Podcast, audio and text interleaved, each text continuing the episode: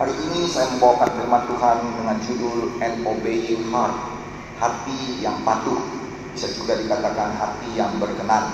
Nah, saudara kasih dalam nama Tuhan Yesus Kristus, keadaan krisis itu menunjukkan siapa kita sebenarnya. Ya, kalau kita melihat seberapa kuatnya teh, seberapa kelapnya, seberapa hitamnya teh, tidak akan pernah diketahui hanya dengan menciumnya. Tidak akan pernah diketahui hanya dengan membaca uh, isinya. Ini teh Sumatera, ini teh Borneo, ini teh Malaysia. Teh itu baru diketahui harumnya. Teh itu baru diketahui kelapnya rasanya. Teh itu baru diketahui hitamnya warnanya. Ialah dari ketika dia dicelupkan pada air panas. Dia kelihatan pribadinya ketika menghadapi air panas. Dan manusia itu juga demikian. Kelihatan pribadinya ketika dia menghadapi badai. Dan sering sekali badai dalam hidup ini ditujukan Tuhan supaya pribadi kita kelihatan bukan kepada orang lain tetapi kepada kita terlebih dahulu. Tuhan tidak mau mempermalukan kita. Tuhan mau menunjukkan kepada kita bahwa ada tempat-tempat di mana kita harus berubah dan bisa berubah. Amin saudaraku. Mungkin saudara sudah berumur di atas 55 tahun. Semua orang tahu kalau kita sudah berumur di atas 50 tahun, semua berkata susah berubah. Tapi firman Tuhan berkata bisa berubah. Dan mengapa firman Tuhan meminta kita yang sudah tua pun tetap berubah? Karena Alkitab berkata sampai masa tuanya pun tetap memberikan buah.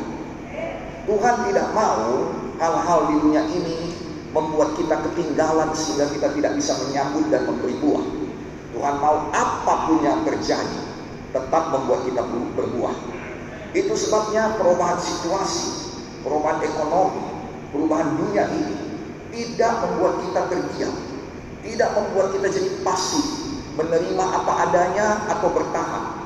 Morris Rulo berkata begini, salah satu strategi setan yang paling efektif kepada semua prajurit-prajurit Kristus pada akhir zaman adalah membuat mereka ada dalam posisi defensif. Bertahan, tidak lagi menyerang. Gereja jadi bertahan, mempertahankan anggota yang ada, mencuri dari gereja lain, mengganggu orang lain, mempertahankan kesatuan saja supaya jangan pecah. Kemudian berusaha supaya apa yang terjadi dulu jadi lagi sekarang. No, itu adalah strategi setan untuk mengalahkan kita. Nah, saudara, gereja itu harus ofensif. Gereja harus menyerang. Gereja harus maju. Kehidupan yang menang adalah kehidupan yang maju. Kalau kita melihat saudara dalam pertandingan-pertandingan di dunia ini, pertandingan tinju, pertandingan karate, pertandingan sepak bola, satu tim boleh mempunyai pertahanan yang sangat bagus. Dan saudara kalau kita melihat misalnya seperti petinju, dia punya kekuatan tubuh yang baik, otot-otot yang keras, dan kemudian double covernya bagus sekali. Sehingga dipukul bertubi-tubi pun dia tetap berdiri. Memang lawannya frustrasi, tetapi dia tidak pernah melancarkan pukulan, maka tidak ada angka bagi dia. Maka lawan akan tetap menang dari sisi agresivitas.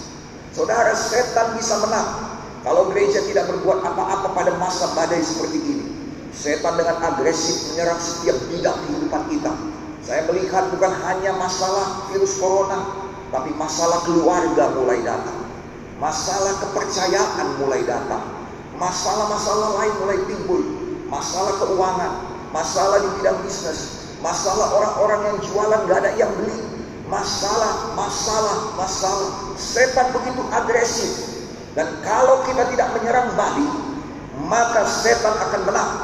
Kita tidak mau setan menang. Yang mau setan menang katakan amin. Eh jangan dalam nama Yesus ya. Ibu ini segera diperbaikinya. Jangan. Haleluya. Haleluya. Kita tidak mau setan menang. Kita mau Tuhan menang. Tuhan mau saudara-saudara saya menang. Haleluya. Haleluya. Jadi tolong supaya kita semua mengerti bahwa pada saat begini kita harus maju. Kita harus berdoa kepada Tuhan dan tanya kepada Tuhan, bagaimana caranya kita memukul balik. Kalau selama ini saudara kita punya lawan, katakan pertandingan sepak bola, mereka menyerang dari segala sisi. Sayap kanan mereka serang, sayap kiri mereka serang, dari tengah mereka serang. Kita sedang membangun pertahanan yang kuat. Puji Tuhan, ada penjaga di gawang kita dari Panakaro, namanya Jatuh Bangun. Ya, tidak bisa saudara dikalahkan. Jadi saudara kita masih tetap keadaan seri. Tetapi saudara musuh begitu agresif. Kita harus menemukan jalan. Kita harus menemukan celah. Supaya kita bisa maju. Kita bisa menerobos pertahanan lawan. Dan Tuhan, dengarkan. Engkau adalah pemain-pemainnya Tuhan. Saya berdiri bukan kepada jemaat saja hari ini, tetapi hari ini terutama kepada semua pemimpin-pemimpin di gereja kemenangan iman Indonesia Pusat Medan. Haleluya.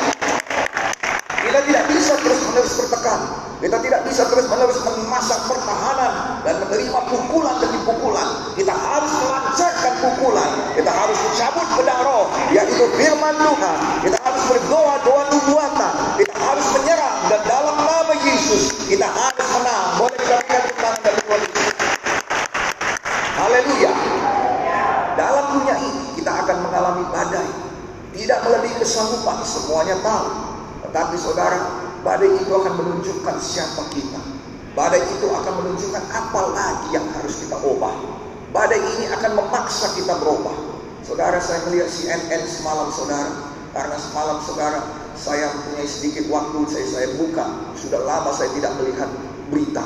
Saya tidak diberkati oleh berita, tetapi saya juga perlu update. Yang mengerti katakan amin.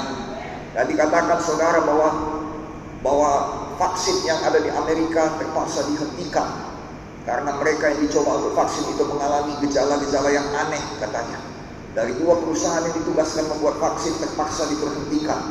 Dan kemudian dia katakan sekarang mereka sedang kalut karena dikatakan ini situasi bisa sampai tahun 2022 tidak akan mungkin lebih cepat daripada tahun 2022 di Eropa mereka berdemonstrasi saudara supaya mereka diberikan kebebasan untuk bekerja kembali. Dan kemudian ditenggarai seperti yang saudara lihat di berita. Bahwa di Eropa ada outbreak yang sangat besar. Di mana saudara orang-orang di Eropa terinfeksi virus corona sampai ke sohor-sohor mereka pun terkena. Saudara dengar yang terakhir kali ini, hari ini dikatakan Valentino Rossi, pembalap motor GP, terkena sekitar 3-4 hari yang lalu dikatakan Cristiano Ronaldo pemain bola dari Portugal ya berkebangsaan Portugal yang kita kenal semuanya kalau cewek-cewek di sini saudara pasti tahu itu saudara ya dan kemudian dia adalah pemain Juventus sekarang dulu pemain Lyon Real Madrid Manchester United nah saudara terkena juga nah saudara Liverpool adalah kota yang paling parah terkena di Inggris dan banyak pemain Liverpool yang terkena daripada pemain sepak bola Liverpool yang terkena COVID-19 juga dan banyak yang lain-lainnya. Saudara saya dikatakan oleh Dr. Sos, Spanyol juga kena saudara. Dan dikatakan saudara, Italia juga kena. Dan ini dikatakan akan ada outbreak sekali lagi yang besar. Tetapi mereka tidak bisa menghentikan ekonomi. Mereka kita tidak bisa lockdown sekali lagi. Dan mereka berkata ini harus dihadapi. Akan banyak orang yang mati, lebih banyak daripada sebelumnya. Dan sekarang sudah mencapai angka 1,1 juta orang yang mati dan ini menjadikan ini wabah salah satu wabah yang paling mematikan yang ada di dunia. Nah, saudara kasih dalam nama Tuhan Yesus Kristus sebabnya kita tidak bisa main-main. Beriman memang beriman tapi bodoh nggak boleh. Haleluya. Haleluya. Beriman harus beriman. Dan kalau namanya sayang bukan berarti sayang iya iya apa saja saudara iya ina iya iya ama acu ibadah aku iya iya boleh iya boleh boleh jangan ada yang tahu ya nggak boleh begitu lagi. Haleluya saudaraku betul-betul harus disiplin dan tolong supaya kita mengerti sebenarnya GKI sebenarnya sudah diajari Tuhan dari dua tahun yang lalu terutama pusat Medan tapi banyak yang nggak ngerti. Tetapi sekarang Tuhan mengajari dengan keras supaya kita mengerti bukan kasih-kasih dunia tetapi bijaksana. Bukan patuh-patuh asal patuh tetapi dengan pengertian. Haleluya. Ini bukan mengenai siapa yang salah, siapa yang benar, siapa yang disakiti, siapa yang tidak sakiti. Bukan. Ini mengenai tujuan supaya kita bukan hanya hidup, tapi maju dan menang dalam nama Yesus. Haleluya. Yang mengerti katakan amin. Berapa perusahaan-perusahaan dunia saudara secara mengejutkan saudara menyatakan kebangkrutannya. Nah, saudara, saya tidak tidak usah menyebutkannya, tapi mengerikan sekali. Dan saudara memang betul ini adalah awal awal daripada akhir daripada akhir zaman. Dan ini sebentar lagi saudara, semua pas Tuhan Yesus pasti datang. Sebentar lagi. Saya tidak tahu kapan, bisa jadi besok. Bisa jadi ada orang berkata dalam tiga tahun ini, saya aminkan saja.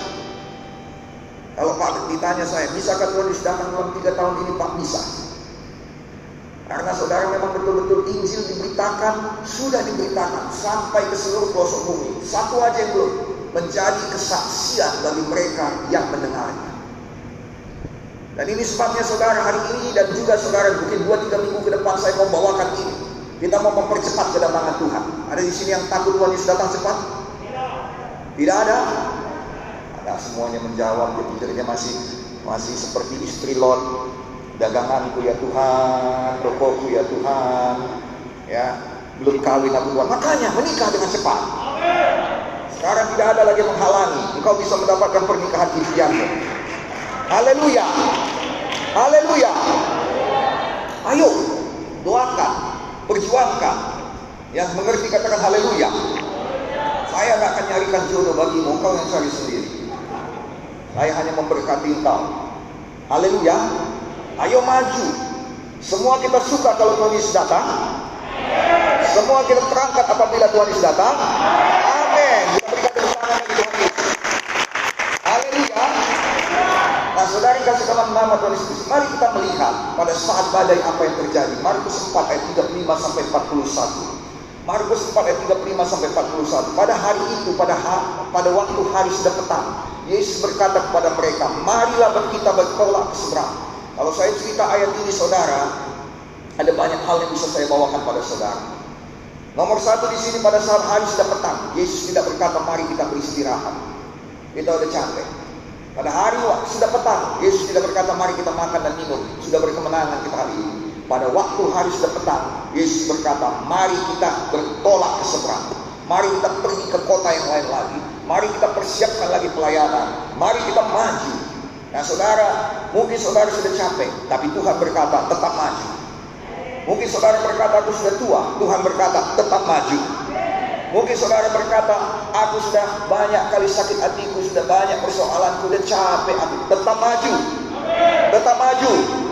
Mungkin saudara berkata positif, sudah banyak pelayananku, sudah banyak jiwa yang kubawa, sudah banyak yang kubuat untuk Tuhan ini, tetap maju. Haleluya. Lalu mereka meninggalkan orang banyak itu lalu bertolak dan membawa Yesus beserta dengan mereka dalam perahu di mana Yesus telah duduk dan perahu-perahu lain juga menyertai dia. Selalu bawa Yesus ke mana pun, selalu penuh dengan firman Tuhan. Semua berkata, saya bawa Yesus ke mana pun saya pergi. Amin. Mereka tidak melakukan dosa, mereka tidak melakukan kesalahan, tetapi mengamuklah tauman yang dahsyat dan opak menyembur masuk ke dalam perahu sehingga perahu itu mulai penuh dengan air, artinya sudah mulai sudah mulai tenggelam. Jadi tolong dibuang itu teologi GKI yang lama. Kalau ada yang kemalangan, kalau ada yang sakit, kalau ada yang tertabrak, kalau ada yang susah, maka ada dosanya. Tolong kita tidak melayani begitu lagi. Haleluya. Karena kalau kau korek-korek, kau cari-cari, pasti dapat. Firman Tuhan berkata, saudara, carilah maka kau akan dapat.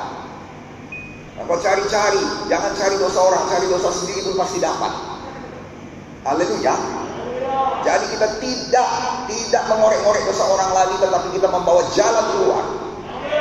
Kalau dia mau mengaku, biarlah dia bertobat dengan hati, bukan karena bertobat, bukan bertobat karena ketahuan. Bertobat karena ketahuan tidak pernah merupakan satu pertobatan yang benar. Ya memang beberapa betul-betul berubah. Tetapi setelah dia ketahuan dari hatinya dia bertobat. Ya mengerti katakan amin. Saudara lihat orang-orang yang korupsi mau ketawa saya. Karena pada waktu sebelum korupsi keluar-keluarnya hebat sekali. Apa kata apa kata begitu kedapatan dan membuktikan korupsi langsung pakai pakaian agamawi. Betul atau tidak? Betul atau tidak? Kemudian saudara asal ditanya, dia selalu berbuka dengan bahasa-bahasa agama, bahasa-bahasa yang bukan bahasa Indonesia. Nah saudara itu nggak bertobat. Itu namanya nyari simpati. Dan simpati nggak membawa ke sorga. Hanya Yesus yang membawa ke sorga. Ayo dong kita berikan tangan bagi kami. Haleluya. Nah, saudara kasih dalam nama Tuhan Yesus Kristus jadi bukan karena ada salahnya. Setan mengincar orang-orang yang sedang melaksanakan firman. Setan mengincar orang-orang yang mau ke seberang. Setan mengincar orang-orang yang sedang pergi ke tujuan yang ditetapkan Yesus baginya. Gereja ini punya tujuan. Gereja ini punya nakoda. Gereja ini punya gembala. Dan setan sedang mengincar supaya gereja ini tidak sampai pada maksud dan tujuan Tuhan. Tetapi Tuhan bersama dengan kita. Dan pujilah nama Tuhan. Haleluya. Hidup saudara sedang menuju pada panggilan Tuhan. Hidup saudara sedang menuju pada kehendak Tuhan. Dengarkan baik-baik. Kehendak Tuhan, hidup saudara bahagia. Kehendak Tuhan, hidup saudara berkelimpahan. Kehendak Tuhan, hidup saudara dimuliakan. Sebabnya, mari berlari. Mari tetap berjalan. Haleluya. Setan akan berusaha bukan karena dosamu. Kalau kau berdosa, singkat cerita, cepat saja bertobat. Minta darah Yesus. Amin. Amin. Amin. Salah satu kemenangan daripada Katolik, daripada kita, Protestan dan juga apa namanya karismatik terutama saudara, ialah apa? Bahwa mereka punya bilik pengakuan dosa. Di mana orang siapa saja boleh datang dan dengan hatinya mereka mengaku dosa. Betul? Betul? Kalau kita kadang-kadang mesti dipaksa-paksa, ditekan-tekan, dikorek-korek, baru mengaku. No, no, no, no. Bukan demikian. Kadang-kadang saudara yang nggak berdosa pun kita tekan. Itu sudah tertulis, sudah lama itu di Alkitab. Yaitu si A, Ayub. Kita paksa dia supaya dia ngaku dosanya. Ayub pun stres saudara. Aku nggak buat apa-apa katanya. Nggak mungkin nggak kau buat apa-apa. Ada kok pegang-pegangan. Nggak ada apa. Mana mungkin kau nggak buat apa-apa. Ngaku kau. Ada Tuhan di antara kita katanya. Nggak ada memang. Ada cumbu-cumbuan. Nggak ada pak. Nggak ada bu. Nggak mungkin kayak gini jadinya kalau nggak ada. Ngaku kau, ngaku, ayo ngaku, ngaku kau. Ini. Lalu Tuhan berkata kepada mereka bertiga, aku murka terhadap kalian bertiga karena kalian tidak menunjukkan siapa aku. Karena Tuhan pun gak kayak gitu. Enggak. Saudara harus menonton film The Chosen One, The Chosen. Episode di mana dia bertemu dengan perempuan di Primi Samaria. Kami berdua menontonnya, saya dengan Bobby menontonnya, dan kami berdua menangis. Ada sebab kenapa perempuan itu cerita. Dia berkata, itu orang menceritakan semua apa yang kuperbuat. Itu orang menceritakan semua apa yang kuperbuat. Dan dia menceritakannya tidak malu. Beranikah engkau mengatakan sama kota Medan seperti itu dengan bangga? Gak ada yang berani kan? Tapi kenapa dia bisa begitu? Karena ada ada sesuatu yang dibuat Yesus. Dan orang-orang yang di, di, yang mengerjakan film The Chosen ini betul-betul diurapi Tuhan. Hampir setiap episode yang saya tonton itu betul-betul kena hati. Oh betul-betul kuat. Saya belum pernah bahkan kalau saudara nonton The Passion of Christ, menurut saya itu belum apa-apa dibanding dengan The Chosen. Itu setiap episode betul-betul kuat, memberkati. Nah sayang dengarkan baik-baik, berhenti dengan teologi dosa. Yesus datang kepada perempuan di Pringi Samaria. Dia tidak tembak-tembak dosa. Baca Alkitab saudara. Dia berkata, Akulah Mesias itu. Oh luar biasa. Haleluya. Akulah Mesias. Saudara harus nonton itu. Cari di Facebook. Ada apa namanya? Ada trailernya. Dan di situ ada apa namanya? Uh, namanya The Chosen. Lihat malam ini di Facebook. Saudara pasti diberkati. Haleluya.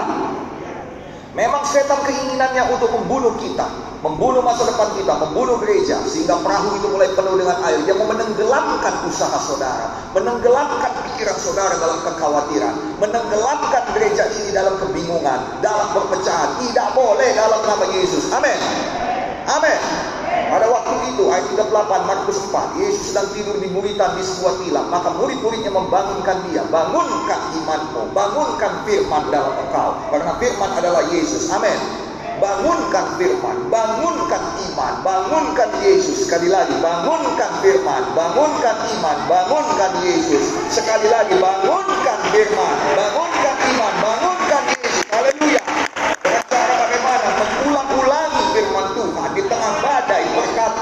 firman Tuhan. Jangan bangunkan seperti murid-murid ini mereka berkata, Guru, engkau tidak peduli kalau kita binasa. Jangan tuduh Yesus tidak peduli. Apa yang dikatakan dari mulut saudara itulah yang berasal dari hati saudara. Di hati murid-murid mereka berkata Yesus tidak peduli. Di hati murid-murid mereka berkata Yesus tidak memperhatikan. Yesus punya acara sendiri. Dia tidak perlu peduli pada kita. No. Jangan punya pikiran demikian. Itu sebabnya bangunkan Yesus, bangunkan, bangunkan, bangunkan. Katakan Tuhan, ayo sama-sama kita hadapi badai ini. Tuhan, Engkau di depan dan aku ikut Engkau. Haleluya. Ayo dong, kalau tepuk tangan jangan ragu-ragu. Haleluya. Maka ia pun bangun. Yesus segera bangun. Yesus tidak berlama-lama jika ada badai. Berapa banyak di sini yang tahu kalau ada badai seperti ini, Yesus akan membela dia katakan, "Saya ya Tuhan." Kiranya Tuhan mendengar pujianmu dalam nama Yesus. Haleluya. Dan menghardik angin itu, dia tidak menghardik murid-murid, dia tidak menghardik anak-anaknya, tapi angin itu, badai itu, setan itu, pekerjaan setan itu, antek-antek setan itu. Itu yang dihardiknya. Haleluya. Yesus tidak bersayang-sayangan dengan uh, dengan orang-orang, dengan pekerjaan, dengan situasi keadaan yang mengancam domba-domba. Yang mengancam gerejanya, yang mengancam murid-muridnya. Dan tidak bertanya, kenapa kalian datang? Dan langsung menghardik dia berkata, diam, tenanglah. Maka raja segala raja telah berfirman, Tuhan segala Tuhan sudah sudah bertitah. Amin saudaraku. Apa yang terjadi? Angin pun tunduk, danau pun tunduk. Seketika itu angin pun reda dan danau menjadi terus Lalu kemudian Yesus berkata, mengapa kamu begitu takut? Jadi Yesus melihat tadinya mereka begitu takut. Nah dengar, takut di sini dengan takut yang lainnya di bawah beda. Dan itu bukan bercerita mengenai takut akan Tuhan. Banyak pendeta berkata takut akan Tuhan. Saya bacakan dulu. Mengapa kamu begitu takut? Mengapa kamu tidak percaya? Dan mereka menjadi sangat takut. Wah, itu dua takut yang berbeda. Ada pendeta berkata itu takut hormat pada Tuhan, oke lah. Tapi bukan itu yang mau saya ceritakan. Simpan dulu. Haleluya. Dan berkata seorang kepada yang lain, siapa gerangan orang ini sehingga angin dan danau pun taat kepadanya? What do you expect? Apa yang kau harapkan? Angin dan danau tidak taat. Heran juga ini murid-murid. Mengapa dikatakan siapa gerangan orang ini? Orang ini adalah Tuhan di atas segala Tuhan. Akulah Tuhan semesta alam, akulah Tuhan Allah segala makhluk, akulah Tuhan dari segala manusia. Adakah yang terlalu sukar bagimu? Angin pun tunduk, danau pun tunduk, persoalan pun tunduk, corona pun tunduk. Haleluya. Kalau begitu Pak, kenapa kita tidak berdoa supaya corona ini bebas daripada Indonesia ini? Mari kita berdoa. Bisakah kita berdoa supaya Tuhan membebaskan kita daripada corona di seluruh dunia ini? Bisa. Tetapi diperlukan lebih banyak anak-anak Tuhan lagi.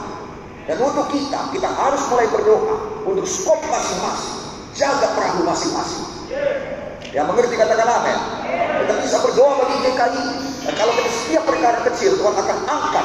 Doa kita akan lebih berkuasa. Kita akan bisa berdoa bagi wilayah kita, kecamatan kita, kota kita. Haleluya.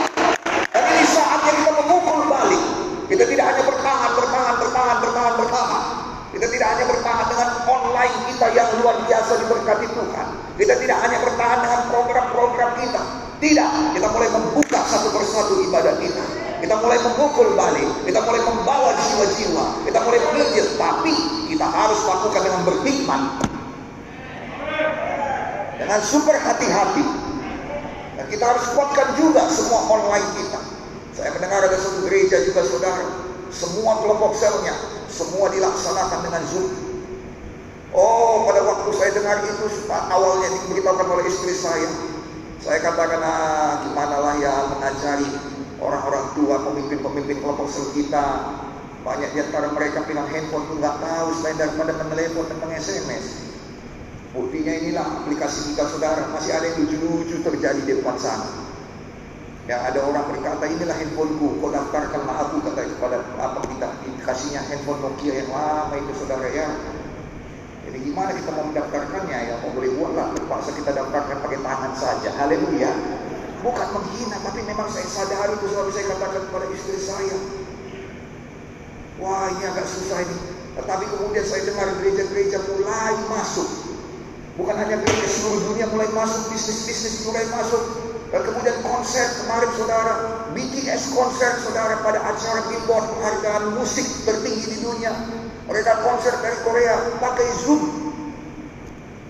Saya pikir, yang bodohnya aku selama ini. Kita akan mengadakan seminar supaya semua pemimpin kelompok sel tahu pakai Zoom. Amin. Engkau tidak bisa buta teknologi. Oh Pak Pendeta saya nggak punya handphone itu Pak Pendeta beli. Saya nggak punya uangnya Pak Pendeta minta sama Tuhan. Masa kau tidak diberkati hanya untuk itu dalam nama Yesus. Semua diberkati. Haleluya. Saya nggak ngerti apa itu ima, ema, email, email. Saya tahu ada email gigi.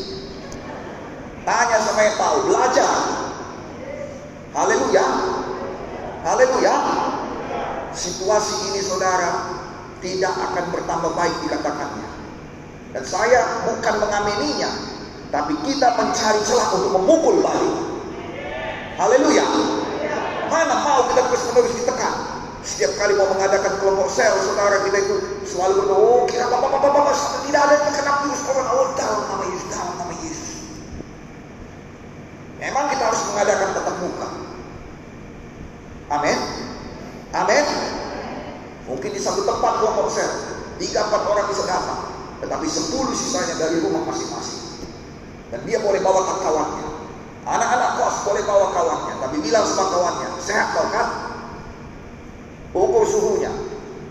Lalu kemudian apa namanya? Uh, uh, uh, apa namanya? Uh, kasih hand sanitizer. Nonton sama-sama di kamar kos daripada mereka macam-macam di kamar kos.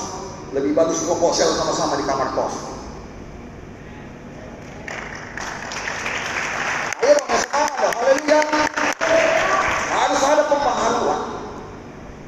CNN berkata, Corona memaksa dunia berubah dengan cepat.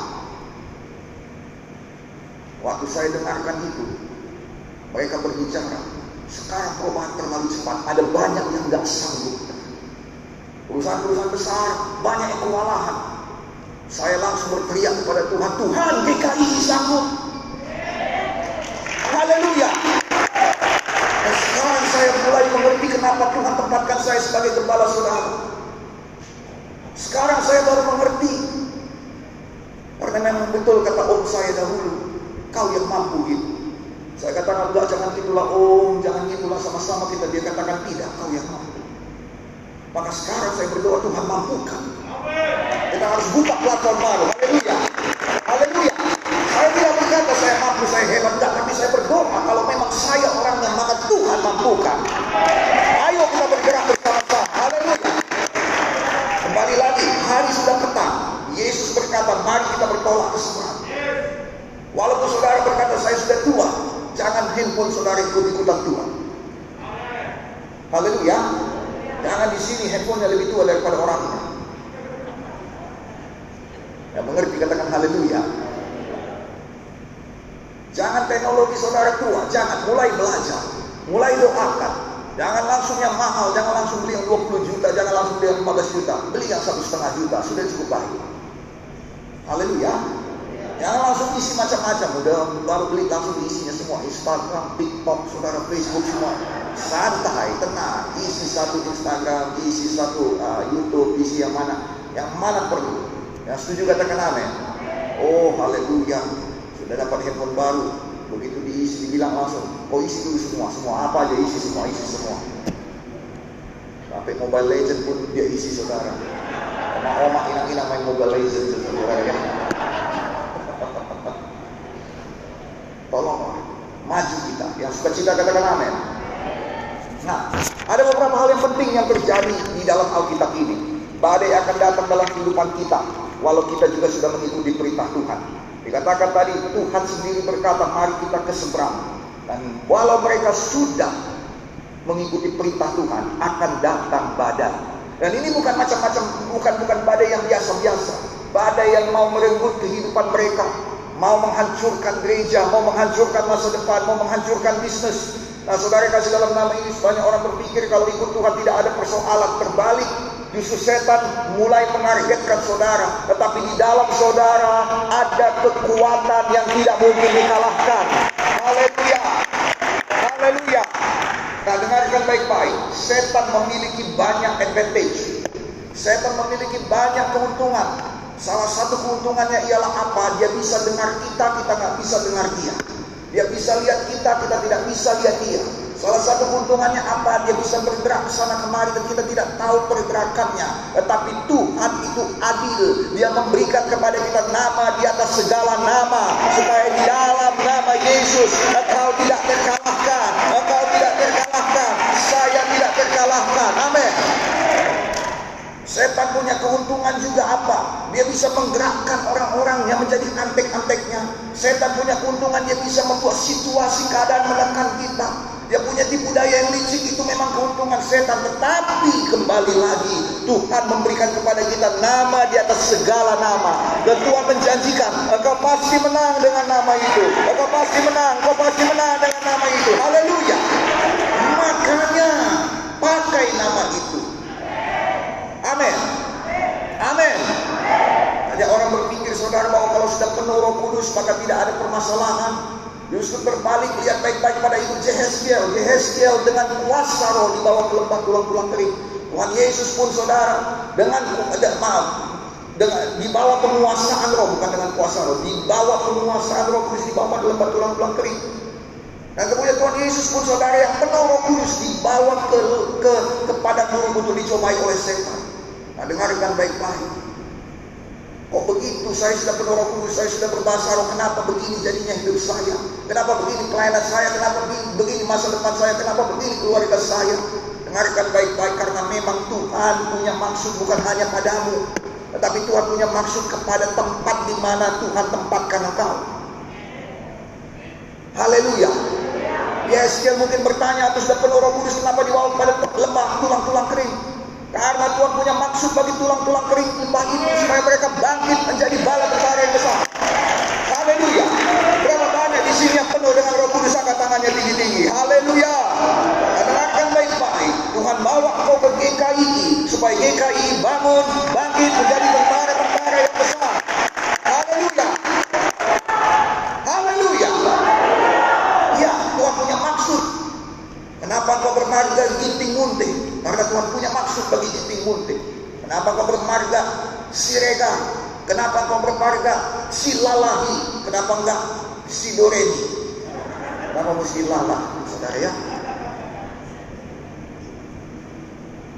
Kenapa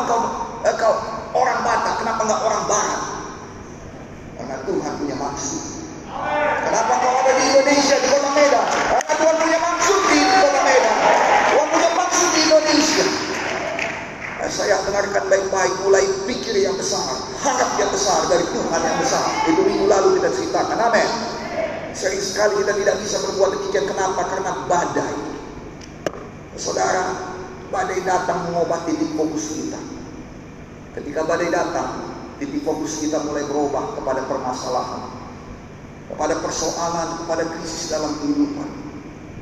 Kemudian kepada diri sendiri. Apakah saya layak? Matinya aku ini kena aku. Acu, aduh dalam nama Yesus kita apa-apa pasal kita kena corona, aku udah kena corona. Saya pernah jumpa beberapa orang yang karena dia demam, takut terkena corona. Enggak saya, banyak demam. Bisul pun bisa buat kau demam. Yang mengerti katakan amin.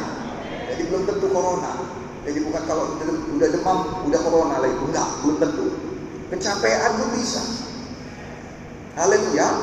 Tapi yang mana pun itu, mau corona, mau corolla, mau apa pun itu, usir dalam nama Yesus. Boleh kita berikan ulang dari Haleluya. Lalu kemudian kita mulai fokusnya kepada apa? Mempersalahkan. Mempersalahkan diri. Apakah dosa saya? Fokus pada perbuatan diri sendiri. Apakah saya sudah melakukan firman atau belum? Ini semuanya jadi. karena kau melakukan firman. Fokus pada dosa, apalagi dosamu. Badai ini membuat kita hilang fokus. Ada tujuan keseberang. Saya ulangi sekali lagi. Ada tujuanmu, ada tujuan hidupmu, ada tujuan bisnismu, ada tujuan GKI. Alkitab berkata tujuannya adalah perkataan Tuhan. Tuhan berkata kepada murid-muridnya, kita keseberang. Sekarang apa kata Tuhan pada hidupmu? Apa kata Tuhan tentang masa depanmu? Apa kata Tuhan tentang bisnismu? Apa kata Tuhan tentang GKI? Kalau mengenai GKI ada gembalanya di sini dan gembalanya tahu betul GKI akan dibawa Tuhan sampai pada bangsa-bangsa. Maka ada yang dipanggil jangan. Haleluya.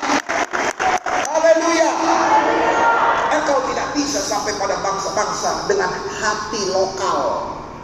Engkau tidak bisa sampai pada bangsa-bangsa dengan ketahanan lokal. Engkau tidak bisa sampai pada bangsa-bangsa dengan berkat kelas lokal. Sayang kalau lokal yang cuma interlokal pun kita nggak sampai. Yang berarti katakan amin. Belum lagi kelas nasional, belum lagi kelas internasional masih jauh itu makanya badai ini menunjukkan diri kita sebenarnya supaya kita bisa memperluas. Saudara dengarkan baik-baik kalau tidak ada Goliat, seorang Daud tidak pernah muncul. Tetapi ketika ada Goliat, Daud dimunculkan oleh Tuhan. Saya berdoa, engkau, engkau, engkau, engkau, engkau, engkau, dimunculkan oleh Tuhan dalam nama Yesus. Haleluya. Memang kau harus berhadapan dengan Goliat. Engkau dimunculkan Tuhan bukan untuk jadi seorang superstar. Gideon Munte, Gideon Munte, saudaraku Gideon Munte. Bukan begitu. Kau harus berhadapan dengan Goliat. Yang memang bersungguh-sungguh mau mematikan kau. Yang memang dengan sepenuh hati mau membunuh kau. Yang memang berlatih seumur hidupnya untuk membinasakan engkau. Kau harus berhadapan dengan setan itu. Dengan antek-anteknya. Dengan pekerjaannya. Tapi engkau berhadapan sama seperti Daud berkata. Aku datang dalam nama Raja di atas segala Raja. Tuhan di atas segala Tuhan yang kau itu. Ada Yesus di GKI. Ada Yesus dalam hidupmu. Ada Yesus dalam bisnismu. Jangan salah fokus. Haleluya. Fokus kepada orang lain. Kenapa jadi berkati? Aku tidak. Nah saudara, ada yang kebaliknya. Itulah jadi kutuk. Senang dia orang susah. Susah dia orang senang. Kita tidak demikian. Haleluya. Haleluya. Berapa waktu yang lalu saudara datang satu orang berkata kepada saya, itu pak disebutkannya nama salah seorang daripada yang pergi itu. Itu pak yang sini katanya sudah dikutuk Tuhan. Sudah kurus kering dia. Saya berdoa langsung Tuhan. Janganlah demikian. Karena saya nggak cinta. Bahkan saudara orang musuh kita kasih gila musuh. Ya mengerti katakan aneh. Tapi Tuhan tidak pernah berkata jalan bersama dengan musuhmu. Mengasihi harus, berdamai harus, jalan sama-sama hanya dengan dua orang yang sepakat. sepakat. Kalau nggak sepakat nggak bisa jalan sama-sama. Yang setuju katakan aneh. Kenapa? Karena yang nggak sepakat itu akan ganggu perjalananmu. Kita punya tujuan yang harus dicapai. Tujuan kita ialah apa yang dikatakan firman. Sampai pada bangsa-bangsa. Kalau murid-murid sampai ke seberang. Haleluya. Tidak ada setan, tidak ada badai yang bisa menghalanginya dalam nama Yesus. Fokus kepada kegagalan. Gak akan bisa lagi kita sampai seberang. Gak akan mungkin kita sampai pada bangsa-bangsa.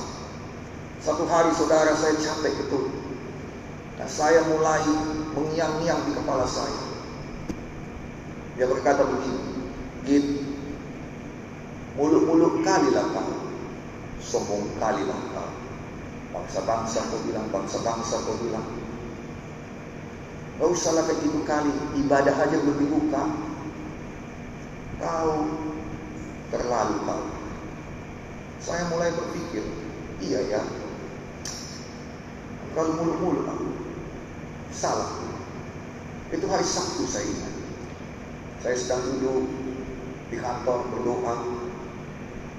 Ah, ampunilah aku Tuhan. Udah terlalu muluk-muluk aku. Sudah. Apa aja yang kau bilang lah. Kalau bisa lagi gereja kembali kayak dulu lagi udah hebat kali dan Tuhan. Udah lah Tuhan ya. Saya mulai berpikir sudah lah. Dan sebentar lagi saya uh, kita siaran dengan Jensi. Nah, ketika siaran dengan Jensi saya senyum. Ah, apa kabarmu? Kayak mana Singapura? Payah. Dia mulai berkhotbah. Tengah jalan saudara dia berhenti dan dia berkata, Gideon, dari tadi aku berjuang untuk menahan ini, tapi aku nggak bisa tahan lagi. Jadi berhentikan dulu sesi kita hanya untuk mengatakan padamu bahwa Tuhan berkata kepadamu, aku serius. Dan Tuhan ingat janjinya padamu. Sekarang kau jangan lupakan. Saya terkejut, gemetar saya. Oh, saya bilang pada Tuhan langsung dalam hati saya, ampun ya Tuhan, ampun. Kalau Tuhan ingatkan, kalau aku bicara aku serius. Sekarang kau serius tidak? Saya katakan aku serius, Tuhan aku serius. Maka sekarang kami berdoa, kami mau kerjakan beberapa hal lagi, maju. Saya, Tuhan serius dalam memakmurkan kau. Tuhan serius dalam memberkati kau. Serius dalam membuka jalan padamu. Tuhan serius untuk memberikan padamu masa depan yang penuh pengharapan. Serius untuk menyembuhkan penyakitmu. Dia sudah berbilur-bilur 39 kali. Habis semua badannya supaya kau sembuh. Tuhan serius dalam mengatakan firman-Nya. Tuhan serius dalam melaksanakan firman-Nya. Sekarang kita perlu serius. Yang suka cita katakan amin. Jangan lepas fokusmu. Lihat kiri kanan saudara katakan jangan hilang fokus. Nah, dengar baik-baik. Dengar baik-baik. Ini penting. Haleluya. Haleluya. Ketika Yesus berdiri, ketika murid-murid membangunkan Yesus dan dia berkata, Tuhan, tidakkah kau peduli kita binasa? Yesus segera berdiri dan kemudian Yesus hentikan itu badai. Dia tenanglah segera badai itu henti. Lalu kemudian saudara Yesus datang pada murid-murid dan dengar baik-baik. Mengapa kau takut? Takut di sini bukan takut yang sama dengan yang berikutnya. Di sini takut itu dikatakan dengan kata aslinya yaitu deilos. Deilos artinya timid. Timid itu artinya pengecut. Timid itu artinya segan-segan. Timid itu artinya malu-malu. Timid itu artinya uh, ya tidak berani tentunya, penakut ya. Timid itu artinya segan-segan tak tentu. Gimana lah mengatakannya ya. Dan ini timid itu artinya cenderung menarik diri. Tertekan sendirian. Dan itu adalah kata sifat.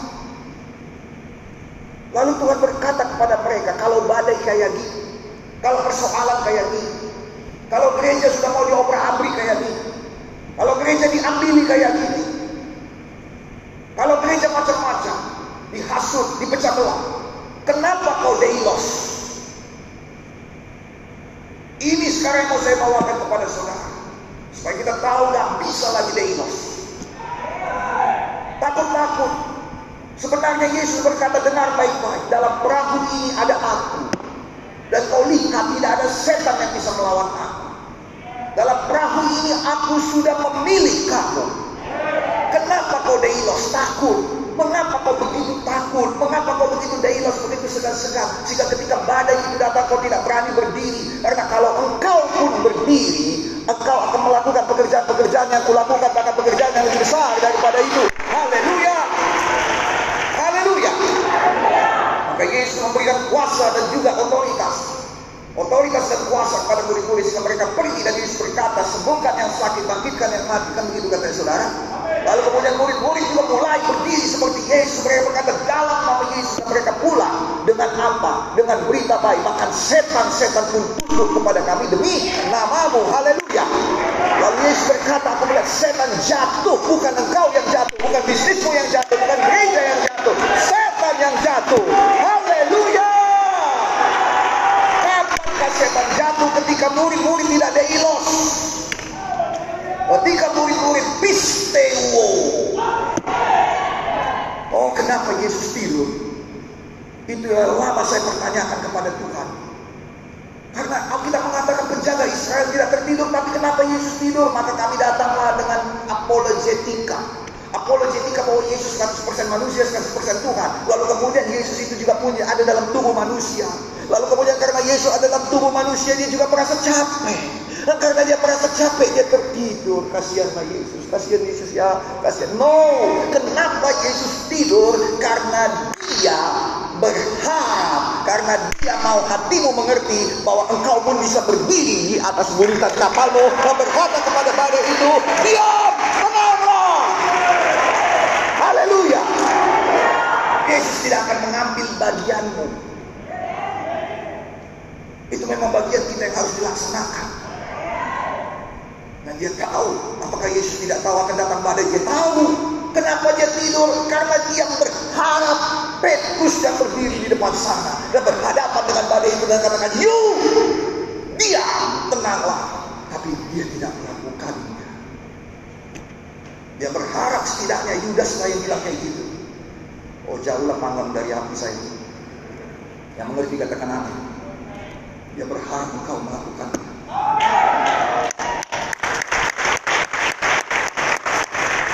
Makanya dia tidur. Dia tahu betul kalau Petrus melakukannya, Yohanes melakukannya, walau mungkin agak kemayu. Hei kamu, diam kamu katanya. Diam itu pasti angin. Diam itu pasti gelombang. Haleluya. Tuhan bisa memakai kepribadianmu. Tapi bukan berarti kau harus jadi segan-segan. Aduh badai ini gimana yang mati laku? Binasa kita. Dari mana dapatnya teori ini? Dari mana dapatnya teologi itu? Makanya dikatakan Yesus kau tidak punya iman. Karena kau nggak punya iman, kau tidak bisa berdiri menentang badai itu. Karena kau tidak punya pistis, maka kau tidak bisa pisteo.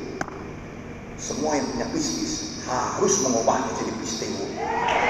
Come on. Haleluya. Haleluya. Murid-murid melakukannya dengan sangat baik kepada orang-orang sakit. Tapi murid-murid ketika badai datang, heran dia. Oh, angin juga bisa ya. Cuaca juga bisa ya. Oh, badai juga bisa ya. Saya inilah yang jadi di gereja-gereja. Ini yang jadi di GKI. Saya sudah katakan, kalau itu penyakit, oh GKI kencang. Kalau itu hujan pada waktu KKR, GKI kencang. Gak ada yang deilos, gak ada yang oligopistos. Semuanya teriak-teriak. Saya ingat satu hari om saya di Bekasi. Ketika dia khotbah hampir terserang stroke. Dan ciri-ciri orang terserang stroke. Ketika dia khotbah, dia nggak sadar yang diomongkannya beda dengan firman Tuhan. Di pikirannya sama, tapi yang keluar lain. Setan berusaha mengambil alih mulutnya. Seorang ibu yang ada di situ, yang bapaknya, suaminya, juga stroke, teringat, suaminya juga demikian, ngawur nggak jelas. Maka ketika bapak bapak pendeta Pati Stefanus khotbah dan mulai ngawur sekali dia biarkan, dua kali dia tidak biarkan dia berdiri dan dia teriak, dia tunjuk pendetanya kepala dia katakan setan gak bisa kau buat apa kepala stroke dalam nama Yesus kematian dan stroke pergi dalam nama Yesus. Orang-orang di gereja itu berpikir dia gila. Om saya pun ini kawan ya haleluya bu duduk. Ya duduk. Oh dia mulai bermasalah sampai duduk. Orang-orang beli sama dia semua. Dia mulai bermasalah dan betul ketika om saya melanjutkan sekali lagi aneh lagi ngomong. Sekali lagi untuk berdiri lagi ada teriak gak bisa stroke dalam nama Yesus. Tidak bisa stroke dalam nama Yesus. Satu gereja GKI nggak ngerti itu serangan setan. Tapi ada satu orang yang tidak belos. Satu orang yang nggak malu-malu, nggak segan-segan. Satu orang yang dikirimkan Tuhan berdiri atas badai yang mau melanda gereja kita. Dengarkan baik-baik saya. Kalau itu om saya jatuh, stroke di depan panggung itu betul-betul badai besar. Betul atau tidak? tapi Tuhan percayakan kepada jemaatnya. Saya mau engkau punya hati yang demikian. Karena yang kau lindungi bukan saya. Yang kau lindungi GK lain. Yang kau lindungi bukan saya. Bukan saya saja. Tapi yang kau lindungi adalah pemeliharakan ialah maksud Tuhan di gereja ini. Kau mau tepuk tangan Tuhan. Kalau setan datangnya dalam bentuk yang kau biasa. Semua kita tahu. Kalau dia datang dengan tipuan, dia datang dibalut dengan bungkusan Tuhan seperti setan datang kepada Yesus. Pada pencobaan pertama dia terbalut kebutuhan, lapar rasa Yesus. Tapi Yesus tidak tertipu. Amin. Yang kedua adalah pembenaran diri sendiri. Banyak kita merasa dirinya harus dibela, dibenarkan. Enggak gitunya aku, enggak gitu, gini ya ceritanya. Setan berkata, buktikan kalau kau anak Allah, buktikan kalau kau benar. Dan yang ketiga saudara dari apa? Jalan pintas. Yesus datang ke dunia ini untuk mengambil segala sesuatu apa yang dicuri setan. Dan sekarang setan datang kepada yang berkata, semua aku berikan padamu. Puji Tuhan Yesus tidak tertipu. Itu bukan milik setan, itu milik Yesus yang dicuri. Yang mengerti katakan amin. Yang mengerti katakan haleluya. Apakah kau akan tertipu? Ada banyak yang tertipu. Sampai ke cabang-cabang sana tertipu. Itu sebabnya saya bawakan firman Tuhan yang hidup dan berkuasa. Supaya setan tidak bisa menipu engkau lagi. Karena satu-satunya yang bisa menahan dan bisa melawan tipu daya iblis sama seperti apa yang dikatakan Yesus. Ada tertulis, ada tertulis, ada tertulis. Hanya firman yang bisa melawan itu. Haleluya. Kita berkata kepada Tuhan Yesus. Yang setuju katakan amin. Kita harus bertindak tegas pada setan, kepada badai, kepada antek-anteknya, kepada pekerjaannya. Kita harus bawa perahu kita sampai ke seberang. Itu sebabnya Yesus tidur. Kenapa? Karena dia bilang ini giliranmu saya. Tapi dia beserta dengan engkau. Kapan saja bisa dibangunkan. Tapi itu membuktikan kita tidak percaya. Yesus percaya padamu. Adakah kau percaya pada Yesus? Ya. Kelompok sel demi kelompok sel diserahkannya padamu. Lalu kalau kita tidak beribadah, kita nggak kumpul. Apakah kau datang kepada saya, kepada Bapak Gembala dan berkata, Pak, udah lemah wilayah kami, Pak. Hei, kan itu sama dengan datang pada Yesus dan berkata, binasa kita Tuhan, binasa kita Tuhan. No, Tuhan tempatkan saudara sebagai pemimpin sektor. Tuhan tempatkan saudara sebagai pemimpin kelompok sel supaya engkau yang berdiri. Ketika badai kelemahan datang, badai yang mengerti katakan haleluya. Kau tidak datang lagi kepada Yesus, kau tidak datang pada kepemimpinan dan berkata, oh bagaimana ini Pak pusing kami gak ada lagi tempat ibadah kami. Apa yang saudara buat? Saudara berdiri, saudara menetap. Saudara katakan, dalam nama Yesus tidak bisa kau curi tempat ibadah kami. Dalam nama Yesus tempat ibadah-ibadah lain muncul. Semua pun tahu patah satu, tubuh.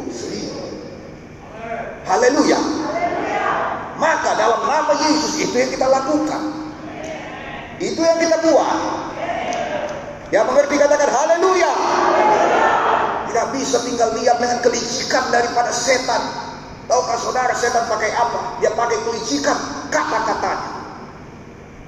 Tahukah saudara di mana peperangan itu? Lihat baik-baik pada waktu setan berhadapan dengan Yesus. Akan pakai magic-magic dia. Seperti film-film, apa namanya, film-film Chinese pakai tenaga dalam. Yesus, iya. Tidak ada. Setan melontarkan tipuan. Yesus jawab dengan firman. Setan melontarkan godaan. Yesus jawab dengan firman. Setan melontarkan pencobaan. Yesus jawab dengan firman. Setan melontarkan badai. Yesus jawab dengan firman. Jawab dia dengan firman. Udah waktunya kita berdiri di buritan kapal kita. Apa kapalmu saat ini? Bisnismu? Keluargamu? Apa yang pernah kau bela? Gereja kita, ibadah kita. Maka berdirilah. Jangan datang pada Tuhan. Tuhan, lemah aku Tuhan. Ah, dan. Corona Yesus. Berdirilah. Dalam nama Yesus, semua corona-corona keluar. Gak bisa lagi. Gak boleh kena pada saya. Saya mesti sampai ke seberang. Haleluya. Begitupun Tuhan baik. Gak mungkin ada yang gak beriman. Tuhan tetap berhentikan badai itu tuh. Tapi alangkah indahnya kalau kita beriman. Alangkah indahnya kalau kau beriman. Adakah saudara diberkati? Saudara dipercaya Tuhan membawa diri sampai ke seberang. Dipercaya Tuhan membawa kelompok selmu sampai ke seberang. Dipercaya Tuhan membawa keluargamu sampai ke seberang. Haleluya. Dipercaya Tuhan membawa gereja ini sampai ke seberang. Ada satu hal lagi yang mau saya sampaikan, tapi itu saya simpan untuk minggu depan. Bukan besok, minggu depan. Haleluya. Karena beda, takut yang nomor satu tadi adalah deilos. Takut yang nomor dua, fobia. Fobia itu artinya takut betulan dan juga hormat. Saya mau cerita pada saudara mengenai bagaimana seorang yang sebenarnya mempunyai hati yang berkenan pada Tuhan. Karena itulah sebenarnya topik utama. Tapi saya mau hari ini saudara tanamkan, engkau tidak bisa deilos lagi. Haleluya, ayo Gak bisa menikmati goyangnya gelombang yang mau membuat engkau tenggelam. Kerja kita bukan nimbain air keluar dari perahu. Betul atau tidak? Dengar baik-baik, kalau engkau tidak tahu kuasa Yesus, tidak tahu tentang nama Yesus, tidak tahu firman Tuhan, tidak tahu teologi, kerja kita ialah apa nimbain air keluar dari perahu, marah sama kawan kita, eh kau kenapa kau biarkan air itu masuk? Bantu aku nimba, nggak ada yang bantu aku nimba di sini. Betul atau tidak? Fokus kita berubah. Kapan badai ini? Kalau kayak gitu tenggelamlah kami sebentar lagi, tenggelamlah kami sebentar lagi. Padahal kita semuanya harusnya berdiri. Kenapa Yesus tidur? Bukan karena dia manusia, bukan karena dia capek, tapi karena memang sekarang waktunya kita. Dia sudah percayakan kepada kita. Dia sudah percayakan kepada kita. Itu tugas kita, itu bagian kita yang betul-betul percaya bahwa kita bisa membawa firman-Nya pada kenyataan. Dengan nama Yesus. Saya GKI bersama. Tidak ada yang pecah. Natal bisa dilaksanakan. Haleluya. Semua saudara maju. Walau sudah petang, tapi tetap berbuah. Haleluya. Gak ada kita yang bodoh, gak ada kita yang kaptek. Haleluya. Gak ada kita yang sakit. Tidak ada yang deilos. Segan-segan. Gak bisa lagi segan-segan. Gak bisa kasih-kasih, gak jelas. Patuh-patuh yang gak ada dasarnya. Jangan bodoh lagi sih. Gak bisa lagi dimanipulasi. Gak bisa ditipu. Bukan berarti kasar. Bukan berarti boleh-boleh semuanya enggak. Ada firman Tuhan yang menjadi acuan, yang menjadi tutur. Saya berdoa, GKI bangun bangkit. Haleluya. Ada tanggung jawab kita, ada perahu kita. Amin. Sekarang lihat baik-baik pada kelompok sel saudara. Siapakah yang masih tinggal? Siapakah yang perlu lagi kita bawa? Ini waktunya.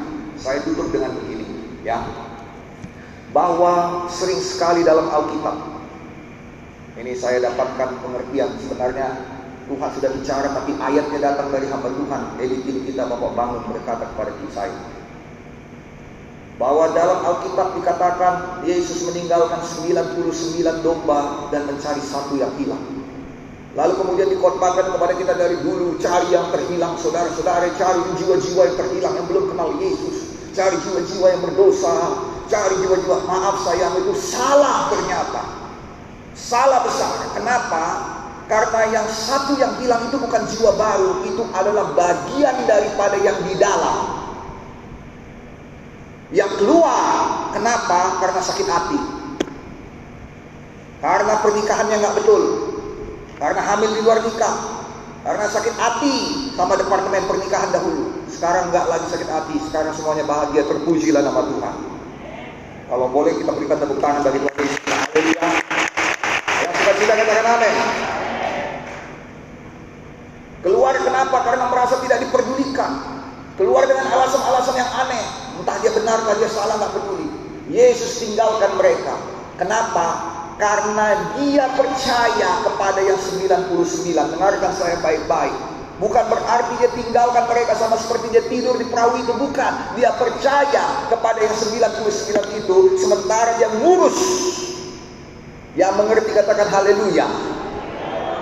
Jadi saudara juga harus mengurus mereka-mereka yang meninggalkan kita. Sampai balik kembali.